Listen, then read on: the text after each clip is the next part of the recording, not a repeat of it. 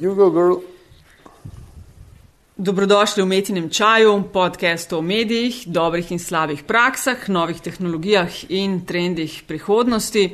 Gosti v medijih delajo, z njimi živijo in o njih razmišljajo, z njimi pa se pogovarjava Nataša Briški, Metina Lista in Aljaš Pengov, Bitenc, Radio Chaos. Aljaš, zdravo. Živjo.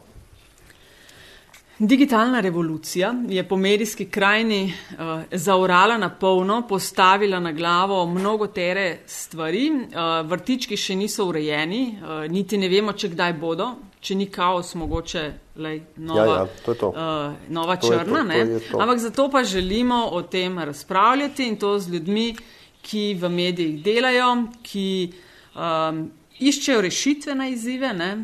Joj, lej, pa me je skoraj prpelo noter, da sem rekla, ki ne jamrajo. Mhm, Uh -huh, uh -huh.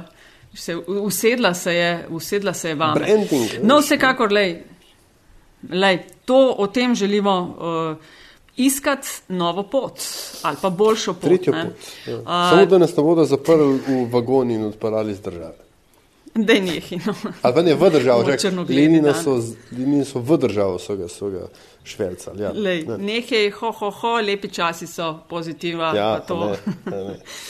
Um, ja, dobite naju na Afra Pengovski in Afra DC43, metino listo na standardnem naslovu, metinalista.si oziroma na Twitterju Afna metina lista. Uh, zelo vesela sva vedno tudi vaših mailov, infoafna metinalista.si in um, res lepa hvala za prispevke v vseh možnih oblikah super so in dajo moč in energijo, da, da delava naprej in da poskušava dobiti najboljše možne goste. Uh, tako da hvala za investicije v Metino listo in hvala za vaš čas, ki boste poslušali epizodo.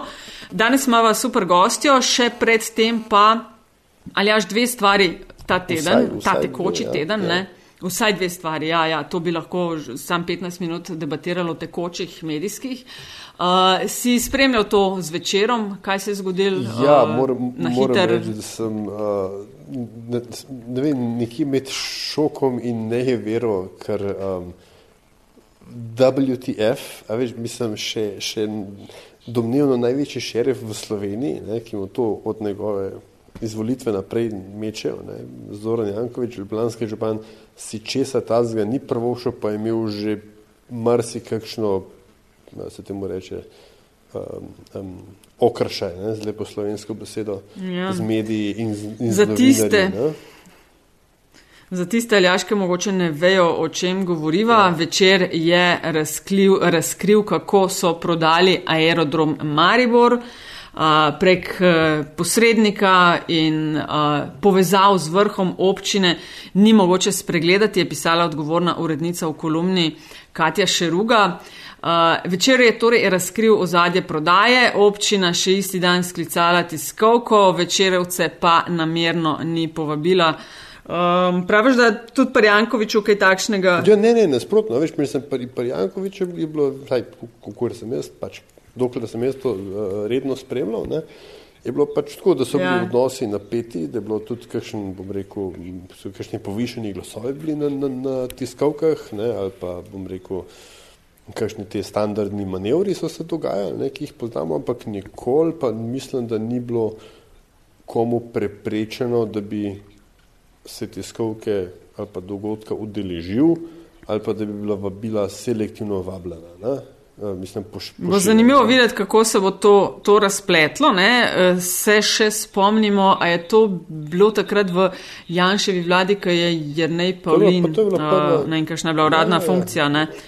Ko je mladino Ja, ja, ja, nalimal stop. Tak, ne, vem, ne vem, Vstop. Tudi, ja, takrat vem, da je bilo, da je pač rekel, da se z mladino komunicira minimalno, oziroma sploh ne. ne? Takrat Ja, je ja. ja. Pavlina, to, to, to je bila Bajuk, čak, je bila Janševa ali Bajukova vlada, nekaj od tega. No? Ja, Ne skratka, vem, ja, je, ena. je pač Pavlina posledično zelo hitro od- odnesla. ne. O, dan danes ne se teh spominjamo po kot dobrih starih časov, ne, ker so pa se te stvari, so, so, so takšne, takšne izjave in, in takšne posledice, mislim, takšni nastopi še imeli posledice. Ne. No, le bo vas spremljala. Jaz bom spremljala, kaj se bo iz tega izcimilo. Ja, mislim, um, ne, veš, to, kaj tazga, da se pač Mariborski župan Ja, kaj- lokalnemu časniku, ne, mislim lokalnemu, regijskemu, Mariborskemu. Ja, vem, ne, ja. ja. Veš, to, mislim, to ne more meniti brez Ja, Unterhund. drugačne. Unterhund. Uh, DNS tudi ostro obsodil potezo. Pa še ena stvar, uh, ki se mi je zdela zanimiva. Načo Topnajo je na uh, Twitterju spraševal, če imava, imamo kakšno mnenje na metinem čaju glede objave fotografij fanta, ki se je poškodoval, uh, hudo poškodoval pri um, S petardami, ne ne? vem, ravnanju s pirotehničnimi sredstvi. Ti si bilo, kolikor sem razumela, še malo več kot petarde, uh -huh. ampak uh, tako zelo, zelo hude poškodbe. In uh, v medijih so je po tiskovni konferenci uh, zdravnikov so se pojavile tudi zelo eksplicitne fotografije in kmalo številna ugibanja, a se to sme, a se ne sme. Tako da mogoče za povedati tiste, ki eh, niso zasledili objav vseh v zvezi s tem, tako zdravniki kot starši tega dečka so medije, ne da so dovolili ali kaj podobnega objava, ampak so jih prosili za objavo teh posnetkov. Mm.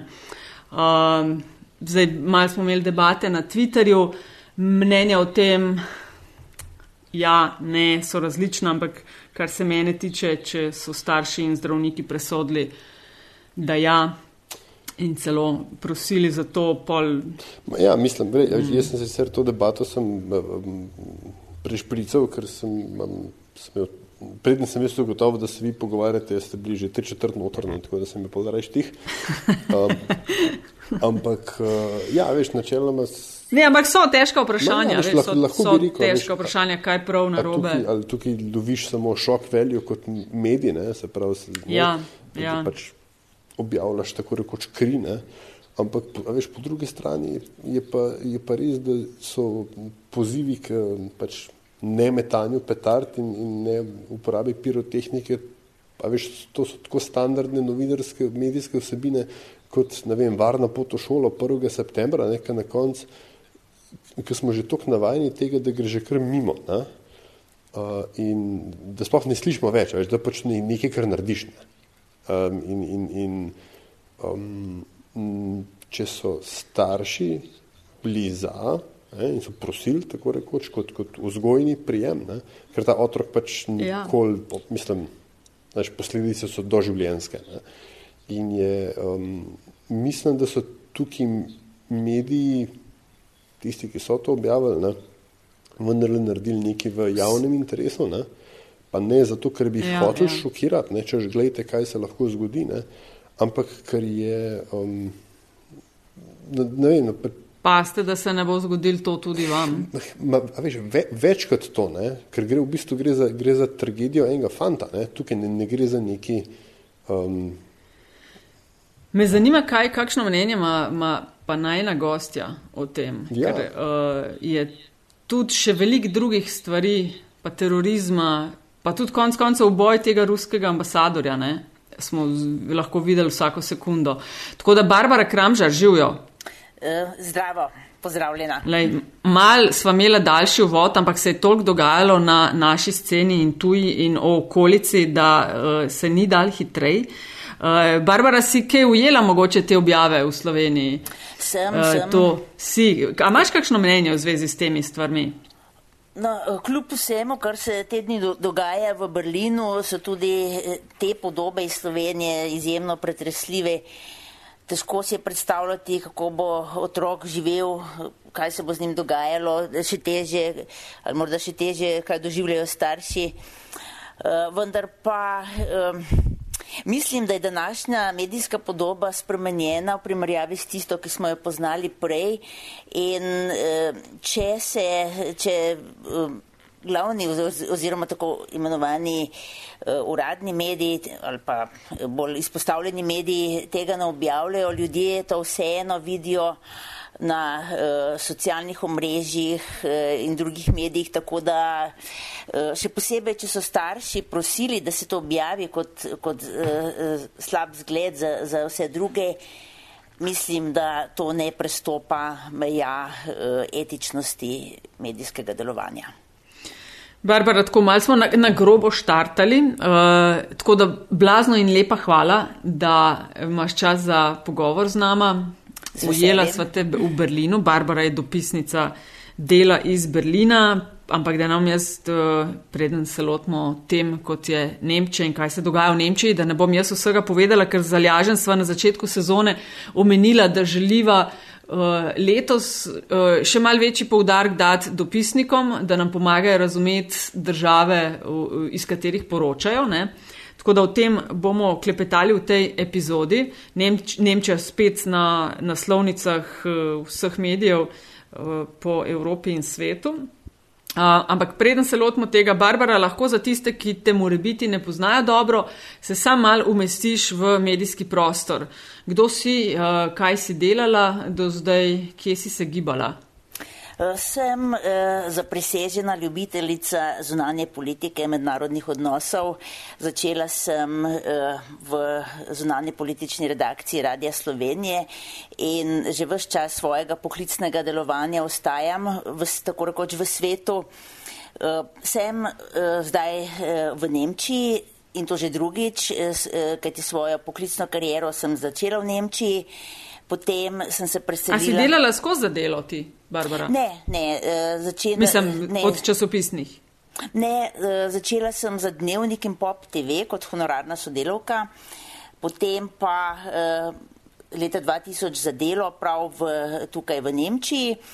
Eh, na kar sem se preselila 2004 v Washington, Združene države Amerike, kjer so se tudi mi ja.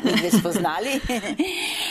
In eh, potem prek eh, eh, mandata na Dunaju v Avstriji sem se pred, pred petimi leti vrnila v Berlin. A že pet let si spet v Berlinu? Ja, gre hitro. Ne? Pet let, oh, wow. Ja. Berlin, aha, se pravi Berlin tam 2000, pa zdaj okrog dva, od 2011 dalje. No, bo zanimivo Z videti, uh, pauzo, kako se je. ja, in- kaj, Izjemne, izjemnimi spremembami, redko katero mesto se najbrž tako spremenja, kot se je spremenil Berlin v teh letih. Eh, Zdelo se mi je, kot da sem prišla v novo mesto iz nekakšnega eh, še vedno hladno vojno razdeljenega na vzhod in zahod v svetovljansko prestolnico, eh, priljubljeno eh, stičišče vseh eh, iščočih umov, če tako rečem, mladih ljudi, tudi številnih slovencev. Eh, Zato je to, kar se dogaja zdaj s terorističnim napadom, morda še toliko bolj pretresljivo. a se je Berlin res tako zelo spremenil? Jaz sem, moram reči, samo enkrat bila nažalost tam in to prav par mesecev nazaj, tako da sem takšen Berlin poznam, no, razen Ja. iz, iz knjig in, in časopisnih člankov. No. Ja, Kaj je po zelo- tvojem zelo- največja sprememba? Kaj, da se, da se, se je porušil zid, da se je bolj odprlo vse skupaj, pa je Absolutno, bolj, ne vem, absolutno. multikulti ali kaj? Absolutno. Ob eh, padcu berlinskega zidu sta bila še eh, trdno dva dela mesta, vzhodni in zahodni, z različnim eh, načinom razmišljanja, z različno kulturo, z različnimi z ljudmi, odnosom ljudi do, do enega in drugega. Medtem pa, uh, jaz, jaz sem že takrat živela na Zahodu, ki je veljal za nekako pruskega, uh, nekako uh, tečnega, zoprnega, uh, reče se Berlin, Berliner Šnauce. Berlinčani so bili nekako uh, grobi, ampak samo na prvi pogled. Za, za, to, uh, za tem obličjem se, se skrivalo, so se skrivali zelo dostopni, zelo prijetni ljudje. Medtem ko so vzhodnjaki so se na začetku bojevali s svojo komunistično dediščino, svojimi travmami, svojim občutkom manj vrednosti zaradi bogatih bratov Zahoda. Eh, Medtem pa se je to vse skupaj zlilo, eh, skupaj z neštetimi priseljenci iz zahodnih držav, iz vzhodnih, južnih, vse posod, kot rečeno tudi iz Slovenije, kjer, je, kjer je več tisoč, eh, večinoma mladih slovencev zdaj. Več tisoč Ja, poleg tistih, seveda iz. staroseljcev. Gastarbajterskega vala delavcev je tudi še precej, vendar so to zdaj popolnoma druge, prihajajo popolnoma drugi ljudje, mladi, dinamični, izobraženi. V bistvu Slovenija je, je v zadnjih letih zaradi tega precej izgubljala, vendar pa mislim, da se v današnjem svetu, v današnjem času se ljudje ne selijo, ne selimo več zavedno. Ljudje prihajamo in odhajamo in eh, vsako mesto si mora pribojevati naj, svoje najboljše obiskovalce in tako tudi Berlin ne? in Ljubljana in Maribor in vsa druga slovenska mesta. So razdalje mal manjše. Le, Barbara, s tabo bi rada pač eh, se pogovorila, eh, kaj se dogaja z Nemčijo, v kakšni formi je zares, kako deluje multikulti in mogoče še kakšno besedo dve o volitvah 2017. Ne? Kaj se lahko zgodi. A začnemo aljaš pri vem, tem napadu s tovornjakom, vse ne, da bi zdaj ugibali, kaj pa kako, ker se sproti. Uh, dogaja in sproti nove informacije. A? Ja, ja, ne, hotel, ampak se mi zdi mogoče čisto dobra rekel, istočnica za tale naš pogovor o, o, o petardah in etičnosti objave fotografij in tako dalje. Ne. Ena, ker je pač um, pri vsaki v vsakem takem dogodku, ne, kot je bil v Berlinu, se seveda pojavil cel kup informacij in pol informacij in pol resnic. In me zanima, Barbara, čist da eno stvar rešimo, ker se je vmes na Twitterju pojavila, ko so zdaj trenutnega glavnega osumljenca za napad, ko so prvič pokazali njegovo fotografijo na, uh, v medijih, je bil mm -hmm. um, Se pravi, ti ključni deli, ne oči, pa tako dalje, so bile, so bile zabrisane. In zdaj neke teze so bile, da um, je to menda zato, ker zakonodaja, pre, nemška zakonodaja medijem prepoveduje objavljati, se pravi, čiste, uh, uh nezamegljene ne, ne slike osumljencev. A je to res? V Nemčiji, v Nemčiji velja, da je človek nedožen, dokler ni spoznan za krivega in eh, do, do tega trenutka je njegova zasebnost sveta stvar. Eh, predvsem zaradi eh, grozljive nemške zgodovine v času nacizma zasebnost ni obstajala, obstajala ni niti pravica do, do življenja in zato so Nemci zelo, zelo občutljivi na ta, na ta vprašanja vendar pa eh, prav ob tem eh, grozljivem napadu na eh, božično tržnico se je, se je pokazalo, da, te, da, da je sicer lepo in prav v običajnih časih, v kriznih časih pa zna biti eh, rahlo eh, vprašljivo.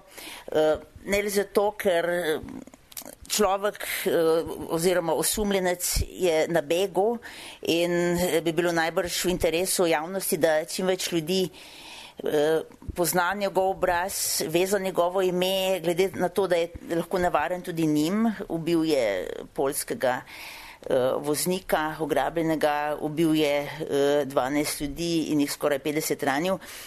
Eh, vendar pa so nemški mediji potrebovali kar nekaj časa, da so, se, da so objavili eh, domnevnega morilca, domnevnega terorista s, pravi, s celim obrazom in celim imenom.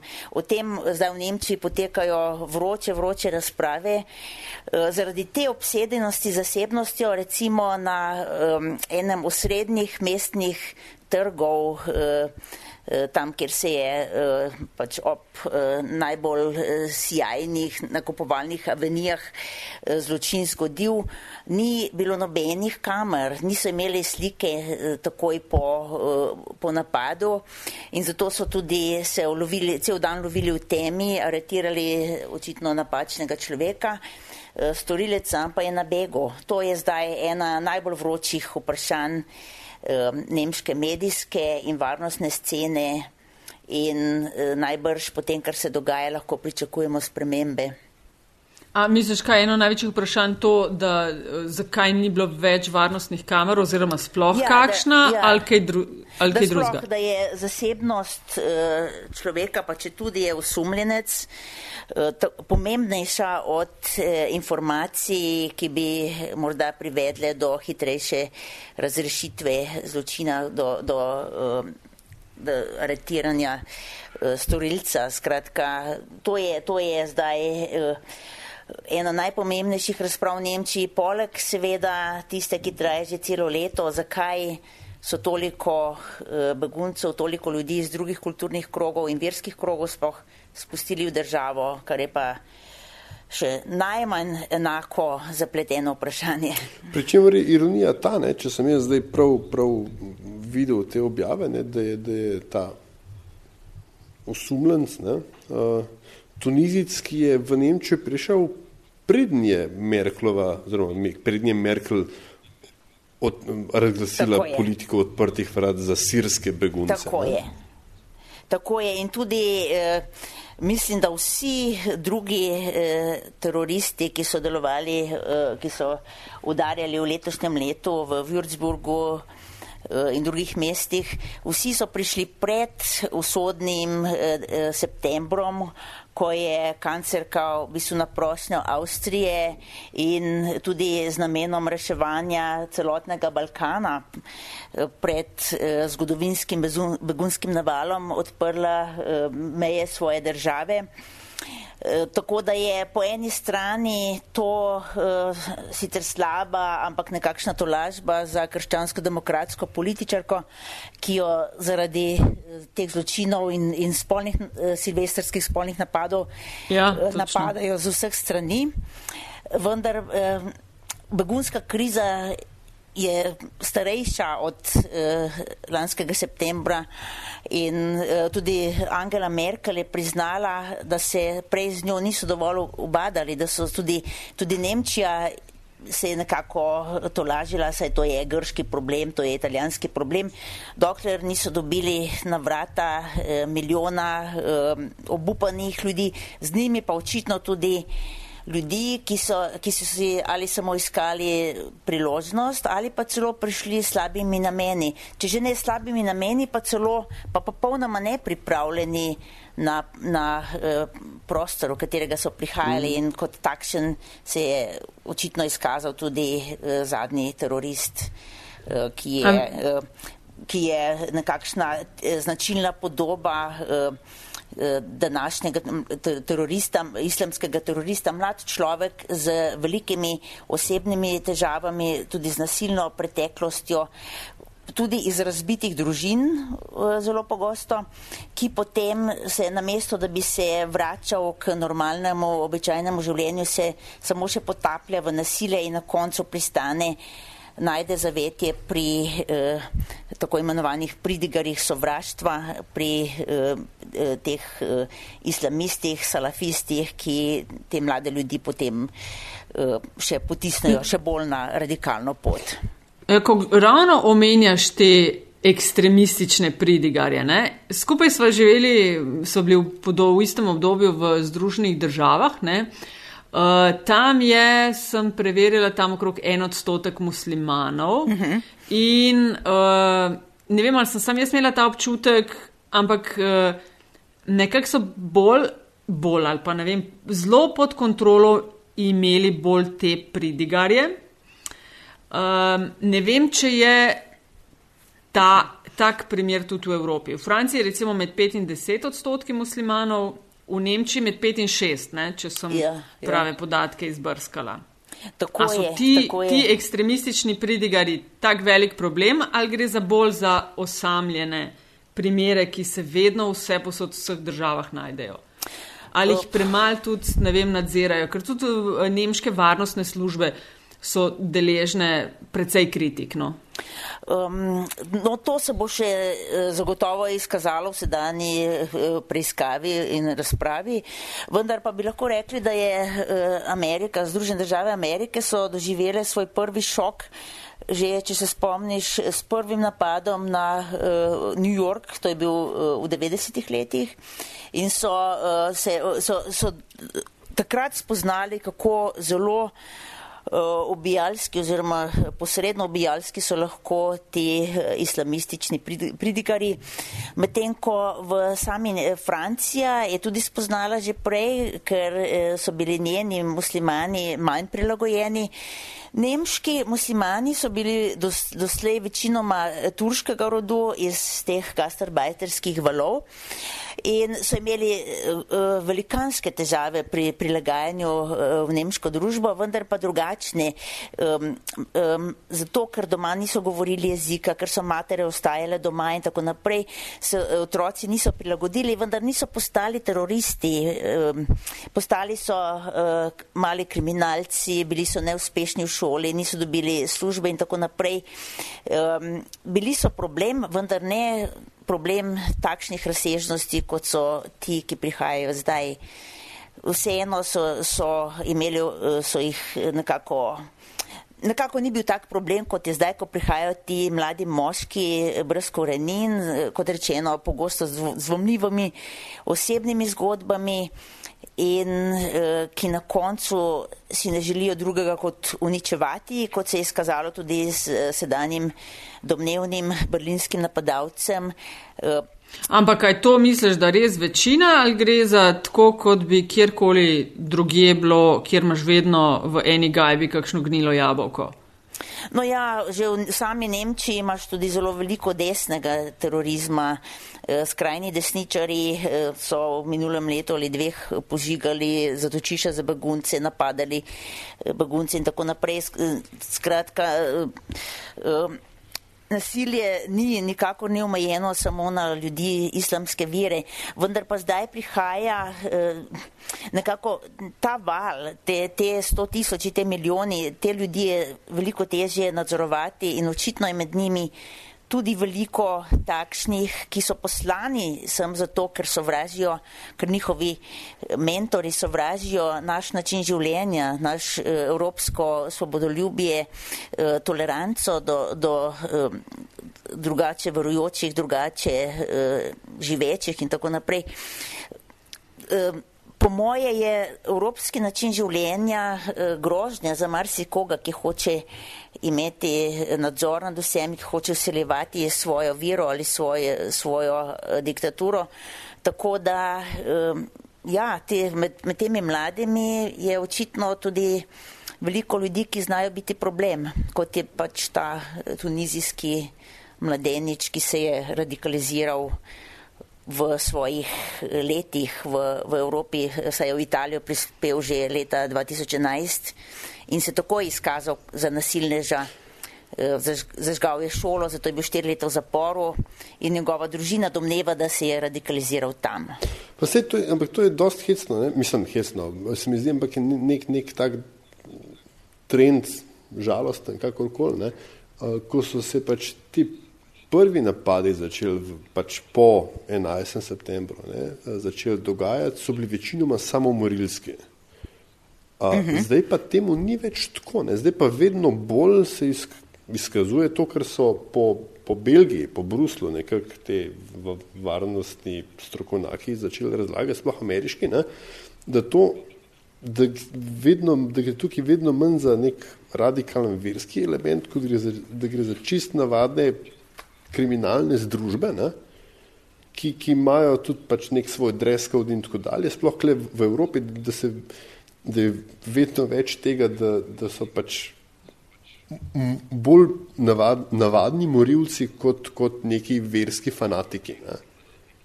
Ker, ker, Vse začenjajo svojo pot kot kriminalci. Ne, ja, ne tudi zato, Potem ker mislim, se mnogi med njimi spremenijo rečen, ne, ampak um, organizator Brusla je preživel, se ni razstrelil. Ne. Organizator Berlina je se ni razstrelil, ni umrl ne, skupaj, ni umrl za vero. Ne. Tudi v Nici napadalci so, so, so ga prerešetali, on ni umrl, ne, on veš, ni, ni šel kje z ne, neke kvazi, kvazi pač, mučeniške smrti in ne vem kaj. Ne. In ta, tak, ne vem, se, se ne vem, je to, je to dobro ali slabo, ampak, ampak bolj, bolj Ni, ja. nima, nimam prave besede, ampak bolj tu zemsko vse skupaj retuje. No? Ja, res je. Čeprav berlinski napadalec je očitno ponujal za samomorilskega napadalca, so, so zdaj razkrili. Ja, ampak ni bil dosti dobro. Okay.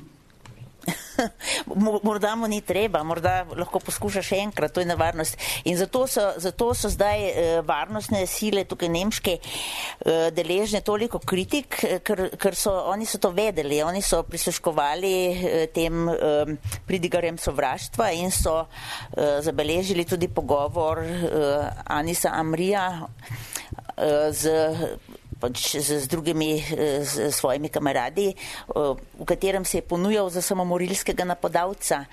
Vendar to v družbi, v tolerantni družbi, kakršna je Nemška, do zdaj še ni bil razlog, zakaj bi ga aretirali in izgnali, čeprav ni imel pravice biti tukaj. Njegovo prošnje za azil so zavrnili.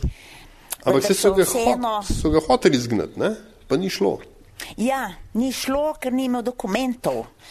Čakali so na dokumente. Mislim, velika večina teh ljudi, ki prihaja, vrže dokumente stran iz natančno tega razloga, ker vedo, da se zahodne družbe držijo pravil, njim pa se ni treba. Ne? Tako da no, jaz osebno mislim, da demokracije in svobodne družbe, če hočejo v, teh, v tej situaciji, kakršna je mednarodna in najbrž vsi soglašamo, da je če dalje bolj navarna, da uh, morajo poskrbeti za varnost svojih državljanov. In Nemčija je že šla skozi svoje teroristične valove, se spomnimo, ko so, ko so eh, ubijali eh, skrajno levi teroristi eh, frakcije Rdeče armade, so pač morali zaustriti varnostni položaj in najbrž ga bodo morali tudi zdaj. V nasprotnem primeru lahko pade vsa demokracija, ne? skrajno nacionalistične sile se krpijo posod in eh, ni nujno, da bodo te spoštovali ta način življenja, na katerega smo mi tako ponosni. Se pravi, da, se pravi, da je Nemčija zdaj pred klasično um, Hamiltonovska ali kakšna dilema, ne? da ali, ali, je zdaj, ali bo je zdaj uh, barantal mečken več um, svobode za mečken več varnosti ali obratno. Ne? Na vsak način, na vsak način in eh, mislim, da je zdaj tudi kancerka odločena poostriti varnost.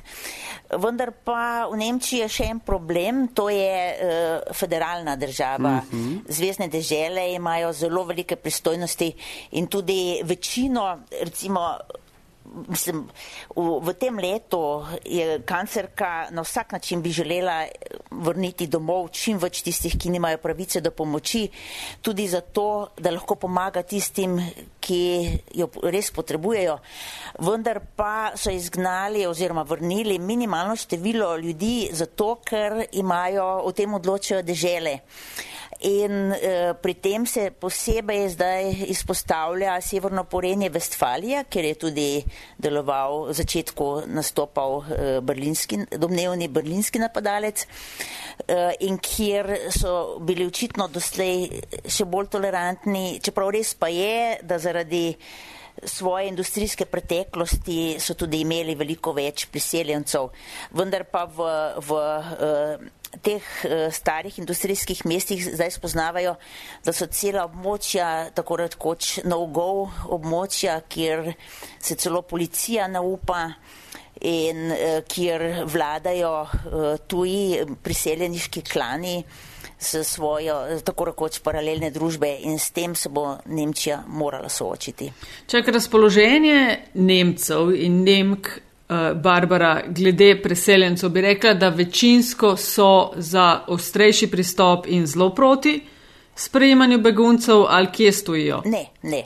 Nemčija uh, še vedno zelo uh, človekoljubna. Nemčija se spominja svojih lastnih um, valov, migranskih valov. Um, doživeli so v zadnjih 70 letih vsaj dva večja.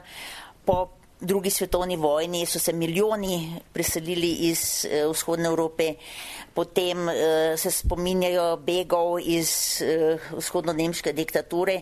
Tako da so Nemci, ki so nasprotju s številnimi drugimi evropskimi državami, tudi zelo, iz, saj zahodni Nemci bom podarila, zelo iskreno obračunavali svojo grozljivo preteklostjo so v veliki meri eh, hočejo pomagati, hočejo biti na pravi strani zgodovine in so tudi uh, sprejemali begunce z odprtimi rokami. Vendar pa, kot rečeno, prvi šok so bili silvestrski spolni napadi v Kölnu, v severnem Porenju, v Vestfaliji spet in seveda tudi v številnih drugih, vendar najbolj v Kölnu. Uh, potem pa uh, ti teroristični napadi, ki so se zgodili in ki so samo po sreči, po veliki sreči niso zahtevali večjih žrtev, julijski in že prej uh, aprilski, uh, ko so um, islamski mladeniči napadli Sikhovski center. Skratka, in kljub vsemu so Nemči še, še želeli pomagati. Berlin pa je najbrž naslednja stopnja uh, v spoznavanju, da je nujno potrebno poskrbeti za večjo varnost. Da je mal drugače treba. A veš, kaj, sam, sam, ali jaš sam še tole bi pri teh beguncih, ki me vse čas bega, ne? Eh, zelo se govori, pa Merkel, pa politika odprtih vrat, pa sprejemamo begunce, pa čutimo njihove težave in podobno. A ni to, da so oni tako zelo odprli vrata, najbolj od vseh evropskih držav, uh, bolj posledica tega, da so si izračunali naše gospodarstvo do leta vem, 2020, če imam prav podatek, rabi milijon ali še celo več delavcev, ki bodo uh mhm. -huh. delali za pol groša, kolikor je posledica tega, da čutijo z ljudmi, ki prihajajo iz teh vojnih in porušenih območij. Koliko je kle gospodarstvo, v mislih teh, ki sprejemajo in ki eh, držijo to politiko in koliko zares ljubezen do sočloveka? Najbolj je to, so, so to dve plati eh, iste medalje, ker eh, Nemčija, kot vse evropske starojoče družbe, vsekakor potrebuje priseljevanje in celo recimo bavarski CSU-jevci soglašajo, da bi potrebovala 200 tisoč novih priseljencev na, na leto. E, torej, vsi se zavedajo, ja. da se družba hitro stara, vendar pa s, e, s temi ljudmi, ki prihajajo zdaj, no, tako e, bi rekla, po nekaterih raziskavah so, so bolj prilagojeni, kot, kot, bi si, kot bi so pričakovali prej. Še posebej iz Sirije prihaja veliko ljudi, ki dejansko so končali šole, ki so uh, visoko motivirani. Eh, čeprav je seveda velika prepreka težek nemški jezik, ki nasprotju z angliščino potrebuje nekaj let za osnovno sporazumevanje. Kaj bi rekli šele za slovenščino? ja, res je. In, uh, ja, povej. Pa ni samo to, ker, ker številni drugi, še posebej te mladi, pa niso dovolj Eh, kvalificirani in uh, jih je treba, jih bodo morali prvič ni tudi vprašanje, če, bodo, če se bodo hoteli navaditi na nemški način življenja, ki je zelo strikten, ki zelo zahteva spoštovanje uh, dogovorjenih terminov, dogovore, uh, da, skratka. Ta, Punktlich, kaj, to hočeš reči? Punktlich, ja. pa ornom kot disciplin. Je nekaj drugega kot pa.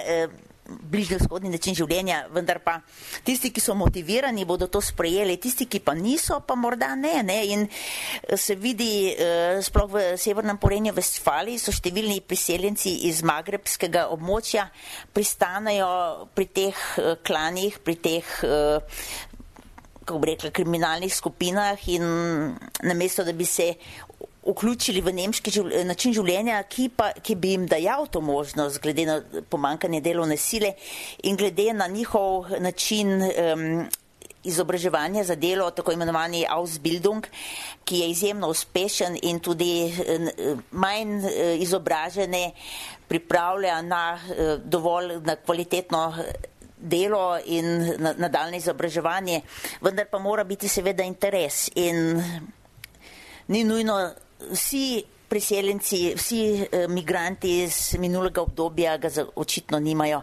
Mnogi pa. In ti, bodo, ti bodo zagotovo dobili priložnost vključitve v nemško družbo. Glede na uh, to poceni delovno silo pa je treba tudi povedati, da v zadnjem mandatu, ko krščansko-demokratska kancerka vlada socialdemokrati, uh, Nemci zelo zaostrujejo tako imenovane prekarne delovne pogoje in jih izenačujejo z, z običajnimi, kar seveda deluje Eh, tudi zato, ker je gospodarska rast dovolj visoka eh, in skratka. Zdaj, v tem trenutku imajo vsi priložnost vključitve se v, v nemški eh, trg dela, ni pa nujno, da bo tako vedno. Ne? Že nove tehnologije prinašajo gromozanske spremembe, tudi in še posebej nemški avtomobilski industriji razlika v, v zahtevnosti eh, motorjev, kakršnih poznamo danes, v primerjavi z električnimi, je gromozanska. In električne pravijo, bo lahko delalo vsako drugo razredno kitajsko podjetje, medtem ko sedanji avtomobili zahtevajo veliko več tehničnega znanja. Skratka, zadeve se spreminjajo in se bodo zagotovo spreminjale tudi v Nemčiji. Ehm, družba se bo morala prilagoditi, vendar pa eh, bom najprej morala obračunati oziroma obvladati šoke, ki jih doživlja zdaj. No, ene, veš, te šoke, ne da mogoče še večkrat o nem, nemški medijski sceni, ne, tudi ta se bo pač uh mhm. -huh. zdaj morala z vsem tem na, nek, na, na svoj način nekako spopadati, ne, na tem tale Columbia Review of Journalism sem jih včeraj ali danes bral in pač članek o hkrati zdaj soočanju z neposredno grožnjo teroristične nevarnosti in uh, poročanju o njej, ne? kjer je seveda vedno uh mhm. -huh. nevarnost, da zapadeš v nek senzacionalizem, širjenje panike itd. itd. In pa po drugi strani tem, kar se, čim, kar se že omenila, ne, da se cela Evropa uh, tudi s tem srečuje, z, m, z, z porastom podpori ne, skrajnim skupinam, konkretno predvsem skrajnim desnižarskim strankam. Čeprav je Nemčija, mimo grede, ena od prvih, ki je imela neke vrste skrajno levo stranko Oskarja Lafontena, Die Linke. Um, uh mhm. -huh. Ampak recimo zdaj, če govorimo o, o AFD, ne, kot, uh, ki, ki je se začela z, kaj že kot zgolj eh, stranka, ki je nasprotvala eh, evru, je zdaj to postala pač ne, nek, neke vrste, kaj je to, gen, gen, generična skrajno desna stranka, v kateri se najdejo tako hudi evroskeptiki kot nereformirani naciji.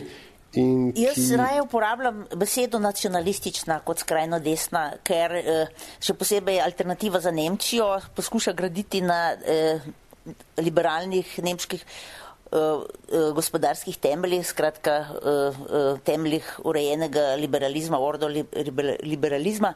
Zato je morda uporaba termina skrajno desničarstvo ne pove vsega no, v teh strankah. Ne, sej, sej, Recimo, sej to ne, pač, ker AFD je v bistvu nekaj tak melonž, v bistvu raznih frakcij, da tako rečem, ne, ki so bile prej uh mhm. -huh. vegetirale. Ker hkrati imamo pa te, te prepovedane nacije v Nemčiji, ne, ki, ki, ki so pa pač z, z ustavo prepovedani. Ne. Kako se uh mhm. -huh. bodo zdaj mediji, uh, uh, a viš, kako bodo o tem poročali, predvsem konkretno, no, to je, bil pač, to je bila poanta tega članka v, tem, v, v CJR-u, kako nem, nemški mediji nočijo ponavljati napak ameriških medijev, ko so pokrivali Trumpa, ta njegov, po rekel, poden, poden populizem. No? A, a, a ti vidiš kakšne, ne vem, uh, kakšne vzorce, ki se delajo, kaj, kar se mogoče, da se izogibajo kakšnim temam, da kakšne teme drugače pokrivajo. V končni fazi se imaš tudi, mislim, obe vidve ima ta ameriško izkušnjo, veste, kako ameriški mediji delajo. Ne? Eh, tudi nemški mediji v bistvu zavračajo alternativo za Nemčijo zdaj, ta trenutek. Eh, uveljavljeni mediji, ne, te pač uh, sredinski mediji, ker je za večino, večina jo nekako razume kot prikrito preveč nacionalistično stranko, za Nemčijo pa je to zelo, zelo občutljiva tema. In um, vendar pa se mor, moramo se spomniti, da je bila še, še ob uh, oblikovanju zadnje nemške vlade uh, podobno nespremljiva levica. Um, uh, Dilinke, ta nekakšna naslednica vzhodno-nemške komunistične partije. In uh, recimo uh, socialdemokrati, zeleni in levica imajo večino že v sedanjem Bundestagu, vendar pa sredinska levica tedaj ni hotela vlado skupaj z uh, Dilinke. Eh, zdaj je stvar spremenjena. Na naslednjih volitvah je tako imenovana rdeče, rdeče, zelena koalicija prednostna, na, prednostna naloga tudi soci, socialdemokratske stranke, tako da se te stvari se lahko spreminjajo, kar vidimo konc koncev tudi v, v Združenih državah Amerike. Vendar pa ta trenutek za sredinsko Nemčijo, alternativa za Nemčijo ni spremenljiva, AFD ni sprejemljiva. Uh, lahko se pa seveda. Ampak, so mediji, so mediji, Barbara, kaj manj populistični, ko poročajo o napadih, eh, ko spremljajo ka, eh, politiko, ne vem, eh, Angele Merkel. Ali je, a veš, prav to, kar je Aljaš rekel, ne, s Trumpom in ameriškimi volitvami, vse so objavili, vsako neumnost, nekritično, brez preverjanja, brez razlage, brez konteksta. Mal posplošujem, ampak generično, če gledaš paket medijev, je bilo takšno stanje. Tukaj sem zdaj malo pozvala nemške medije, pač samo prek spleta. Ne? Se mi vse ni zdelo, so bili zelo previdni pri tem, da bi takoj označili, teroristi so bili uh, in podobno. Ne? Tudi recimo za razliko, ko so bili terorist, teroristični napadi v ZDA in Franciji, so sta državi tako izredna stanja razglasile, takoj neke vojne napovedi. Ne? Mediji, uh, če bi se dal bi svoje, svoje naslovnice s krvjo pokapali uh, iz vode Cajtengov. V Nemčiji se tega opažam manj. Mogoče ja, ravno zaradi ja. izkušnje tega. Eh, brutalnega populizma in druge svetovne in Hitlerja. Ali je to, ali imamo napačen občutek? Objavljajo seveda vse, vendar pa, kot smo že omenjali prej na začetku, fotografijo domnevnega storilca z nekako zakritimi očmi, brez, eh, samo z inicijalkami, vendar pa ne, ni, ni, ni se bati, da nemški mediji ne bi objavili prav. Niso balfini. Od, Nekateri morda, ampak tudi Nemčija ima najbolj brani eh, dnevnik je eh, Bild, ki objavlja vse in sedijo mu takoj drugi. Konkurenca na medijski sceni je velika. Se pravi, morda se držijo bolj nazaj v, v eh, načinu pisanja, ampak tudi ne. ne. Nemški mediji objavljajo vse in ne, nimam občutka, da bi karkoli, o čemarkoli ne bi pisali mogoče poskušajo nekateri pisati na drugačen način, vendar pa, ko se dogodek zgodi, je posod. Se veš, mogoče, mogoče bolj v tem smislu, ne, v smislu konteksta, veš, ker recimo Trumpova, ne, znana, ne vem, mehičani so posljevalci in zgradili bomo zid, za katerega bodo oni plačali. Ne. Um, in to je pač šlo objavljeno, ne da, bi, ne da bi v samem poročanju mediji to kritizirali, ocenili, postavili v kontekst. Ne. Pač, ker je kandidat to rekel, to se napiše in čau, Miki. A je ta isti pristop, ko, kako je ta, ta hip, vem, da je, da ima AFA, da ima so predsedujoče, en je pricel, ta druga je pa kvaže, sem pozabil. Um, tako, hvala. Predsla si je lahko, ja, ja, zlahka zapomniti, to je res. Um, no, po najnovejših informacijah. A ona dva, imajo nemški mediji tudi ta pristop, da kar ona dva reče, da se to potem poroča in potem je pa, ne vem, to je na prvi strani, komentar je pa na peti strani, ne vem, če. No, eh, ta znameniti predsel eh, je pravkar izjavil, da so ubiti na eh, berlinskem trgu, da so da so smrti Merklove, da so njeno odgovornost. In um, zatem se je, seveda so večina medijev je to objavila, vendar pa so tudi hkrati kritizirali. Kritizirali so tudi zelo na, na socialnih medijih in če se ne motim, že preizkuje tudi državni tožilec, ali je to sejanje sovraštva ali je pa samo politična izjava. Uh -huh, uh -huh. V Nemčiji so zelo, zelo občutljivi, ker zaradi svoje preteklosti ne, in sejanje sovraštva je, je uh, občutljivi so na to, no, ker upravičeno. Ne. Eh, čeprav rekla bi, da, da tudi tako, sredinski ameriški mediji so Trumpa postavljali v kontekst. Ja, potem, ko je bilo že prepozno. Polk je bilo, ja, veš, pa do tam do februarja so veselo objavljali vse živo, ne. O, Trump je rekel to, ha, ha, hi, hi, ja, ne. Sploh pa, sploh pa televizija da ni bilo ja, na televiziji, absolutno, z naskokom pred, pred ostalimi. Ne? Rekla bi, da, da ni, ni bil samo problem, da so objavljali, ampak predvsem, da niso dosegli ljudi, ki so volili za Trumpa. Ne? Oni so, niso dosegli teh ljudi, niso, niso pokazali Trumpovim voljivcem druge alternative.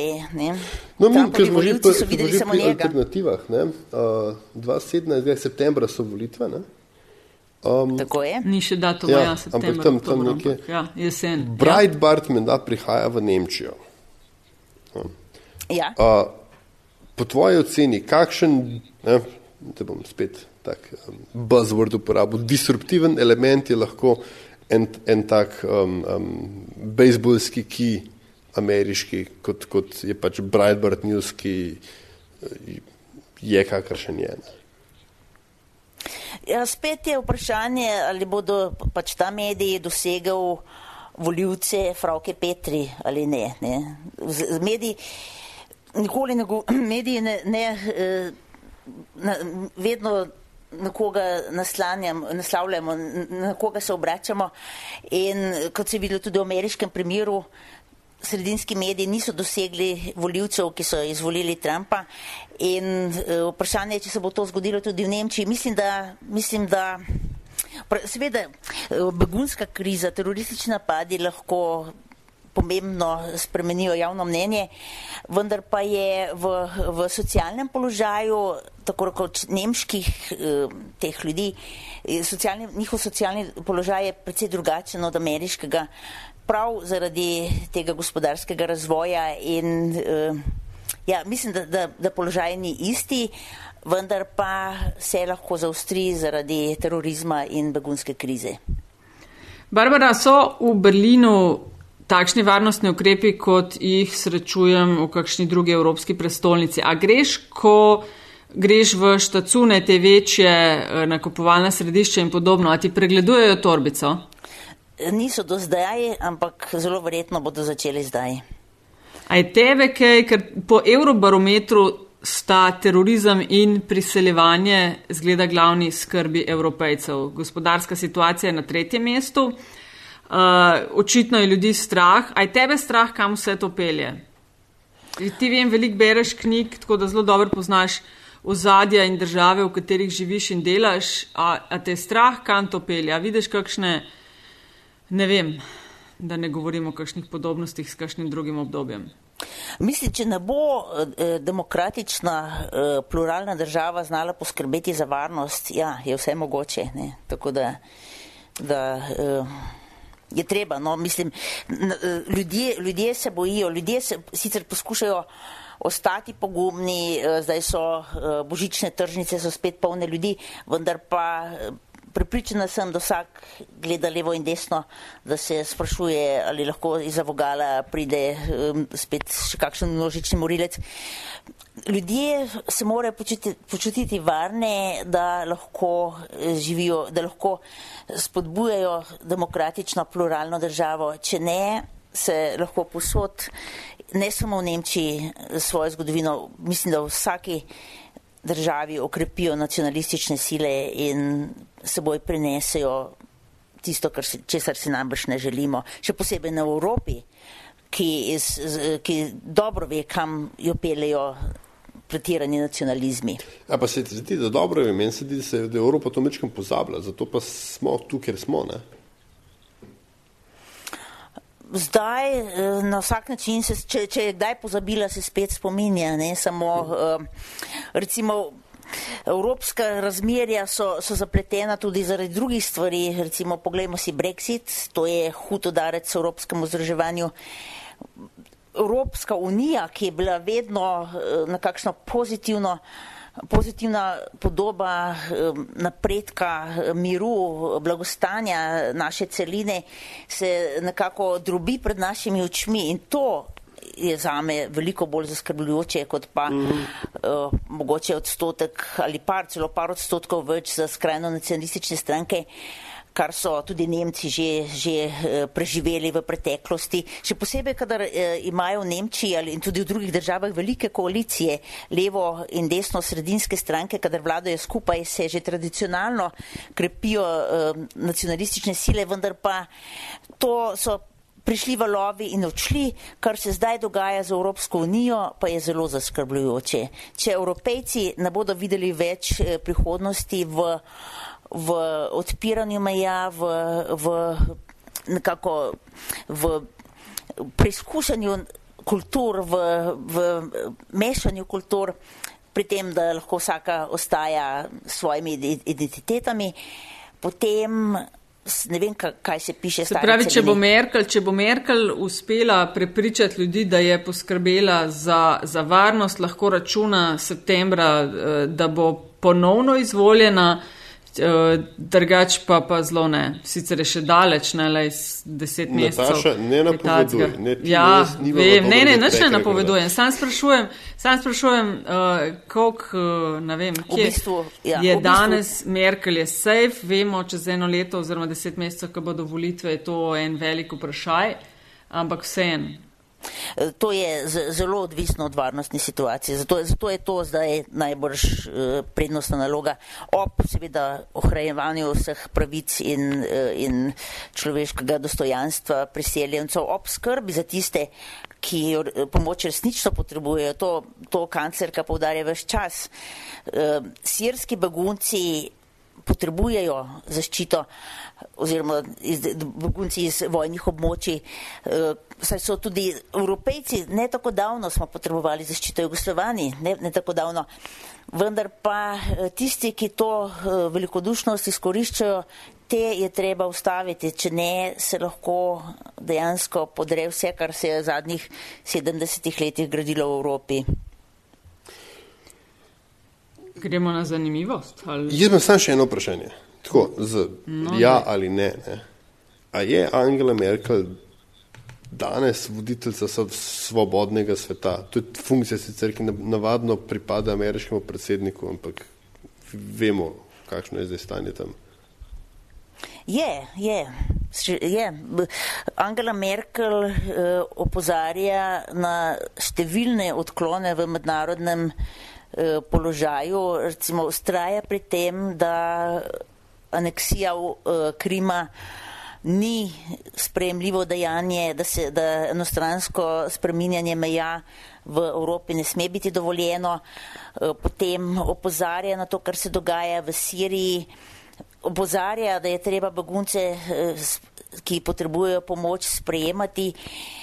Vendar pa mora, kot, kot rečeno, dokazati tudi, da ne, Angela Merkel ne more reševati hkrati beguncev in Evrope, oziroma mora poiskati nekakšno ravnotežje v, v, reševanju teh velikanskih izzivov evropske varnosti današnjega časa. Ja, lej, uh, sam tole mogoče glede Merkel, če poslušam, pa berem desne medije v Sloveniji, bi jo se strelili ne danes, ampak uh, včeraj, razlog politika odprtih vrat, ampak zanimiv tudi na levi, pa nas govorim zdaj, niso mhm. navdušeni nad njo, a to pomeni, da neki dela prav. Predvsem dela nekaj prav za Nemce, ker je še pred temi zadnjimi terorističnimi napadi je bila še vedno uh, prepričljivo najbolj priljubljena političarka po vsem, kar se je dogajalo v minulem letu in dveh. Uh, Eh, vendar pa in tudi, eh, kot sama povdarja, v, lanski, v letošnjih eh, vrsti deželjnih volitev so bili poraženci krščansko-demokratski politiki, ki so zagovarjali ostrejšo, ki so nastopali proti njeni politiki.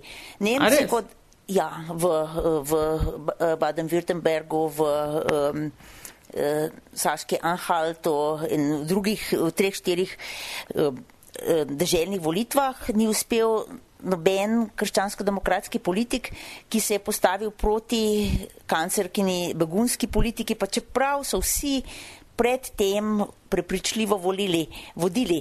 Vendar pa v, te, v deželnih primerjih eh, so, eh, v, ni nujno, da se to ponovi na, na eh, zvezdnih volitvah, saj se z kancerkino bezgunsko politiko strinjajo številni socialdemokrati, ki pa takrat najbrž ne bodo volili CDU. To, ja, to bo zanimivo 2017, aljaš. V Franciji volitve, v Nemčiji volitve, v Sloveniji volitve, ok, no, sem predsedniške, ja, ampak dobro, to, le, ja, ja, nizozemskem, no. na nizozemskem so volitve. Nizozemska, ja. Ja, ja, ja, še, en, en, kup, en, en, še ne par drugih je, tako da 2017 ja, bo kar divje.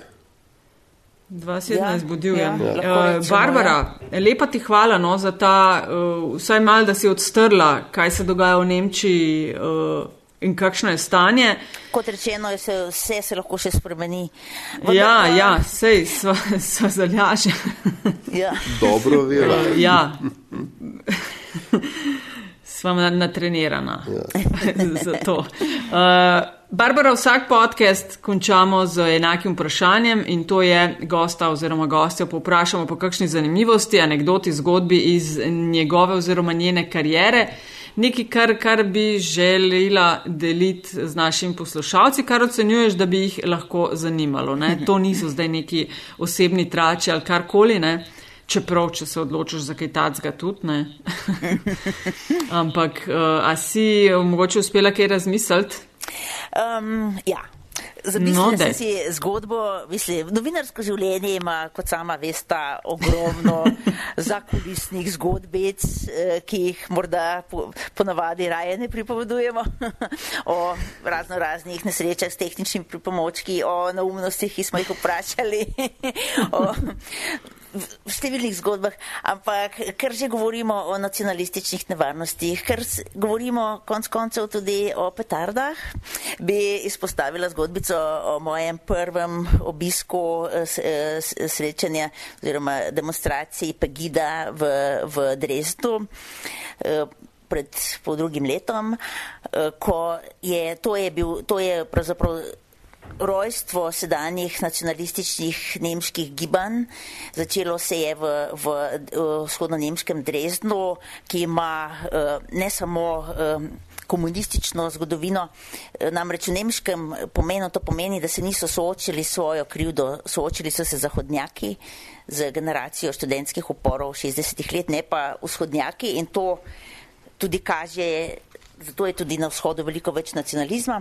Saška je še posebna zgodba, zato ker je imela prejšnjo svojo veličastno zgodovino, ki jo mnogi še niso eh, pozabili. V prvo svetovno vojno je šla recimo svojo lastno vojsko. No, in tam je, uh, je uh, kaznjenec, ropar, ilegalni emigrant, uh, Lutz Bachmann, uh, uh, tako rekoč lastno ročno oblikoval to na, eh, skrajno nacionalistično gibanje. Eh, pač eh, zgodilo se je tako, da na dan, ko sem šla tja, nisem imela varstva za svojega psa in sem morala svojo kuško vzeti sabo. Kuki peljala seboj. Tako, tako, piškotka je še z mano, kuki. in medtem, ko sem jaz poročala za um, našo spletno radijsko postajo delovo, je pes na vsak način hotel uloviti miško, ki se je nekako bežala med, med grmičevjem. No, to je moja smešna zgodba iz zadnjega časa. Ko smo pa že pri tem pa ja, tudi, tudi zaradi psov, prosim, prosim, odpovejte se novoletnih petard, eh, živali zelo trpijo in zgodijo se tu, lahko tudi hude nesreče. Ja, to, joj, to pa so res boge živalce. To je ja, pa kar zelo, težko gledati. Zelo, no, zelo, to, zelo oh, hudo. To sem pridem pa tako zelo žalostno, kad to gledam. Da o mehkih otrocih kakšne... ne govorimo. Joj, ja. ja, ja A so to. tvoji zelo prestrašeni, ali ja? To je bilo. Mm, lej, A pa je poka sploh kaj v Luksemburgu? A Ne, za Luksemburg, ne, smo itak zelo v Ljubljani, vedno vsak, a veš, za nov let. A ja, seveda, veš. ja, ja, ja. Ujoj, to pa dobite porcijo, ne? V Nemčiji obstaja območje, kamor se lahko zatečeš, ker, ker se tja, eh, kjer so konji, kjer je, kjer je veliko konjev, tam je, so prepovedane petarde, tako da v skrajni sili se lahko zatečemo tja. Lej, uh, upajmo, no, da, da bo letos tega manj, no. Pa ne vem, Tako zakaj je. ne naredimo še kaj konkretnejšega. Ker, a veš, reklame za petarde imajo na televiziji, pa pa minuto kasneje pa prispevek o fantu, ki je imel to grozljivo nesrečo. Wow, Ja. narobe svet. Ja. Uh, ok, Barbara, ali jaš se poslovimo? Ja, je to to? To je to. Hvala, Za ful. ta denar je to to, ne? Barbara, hvala ti lepa za pogovor uh, in lepo zdrav Berlin. Hvala, ker ste me povabila, bilo me je veselje. Z Pozdrav tudi velikim veseljem. V užitek. Čau, Barbara. Lahko noč.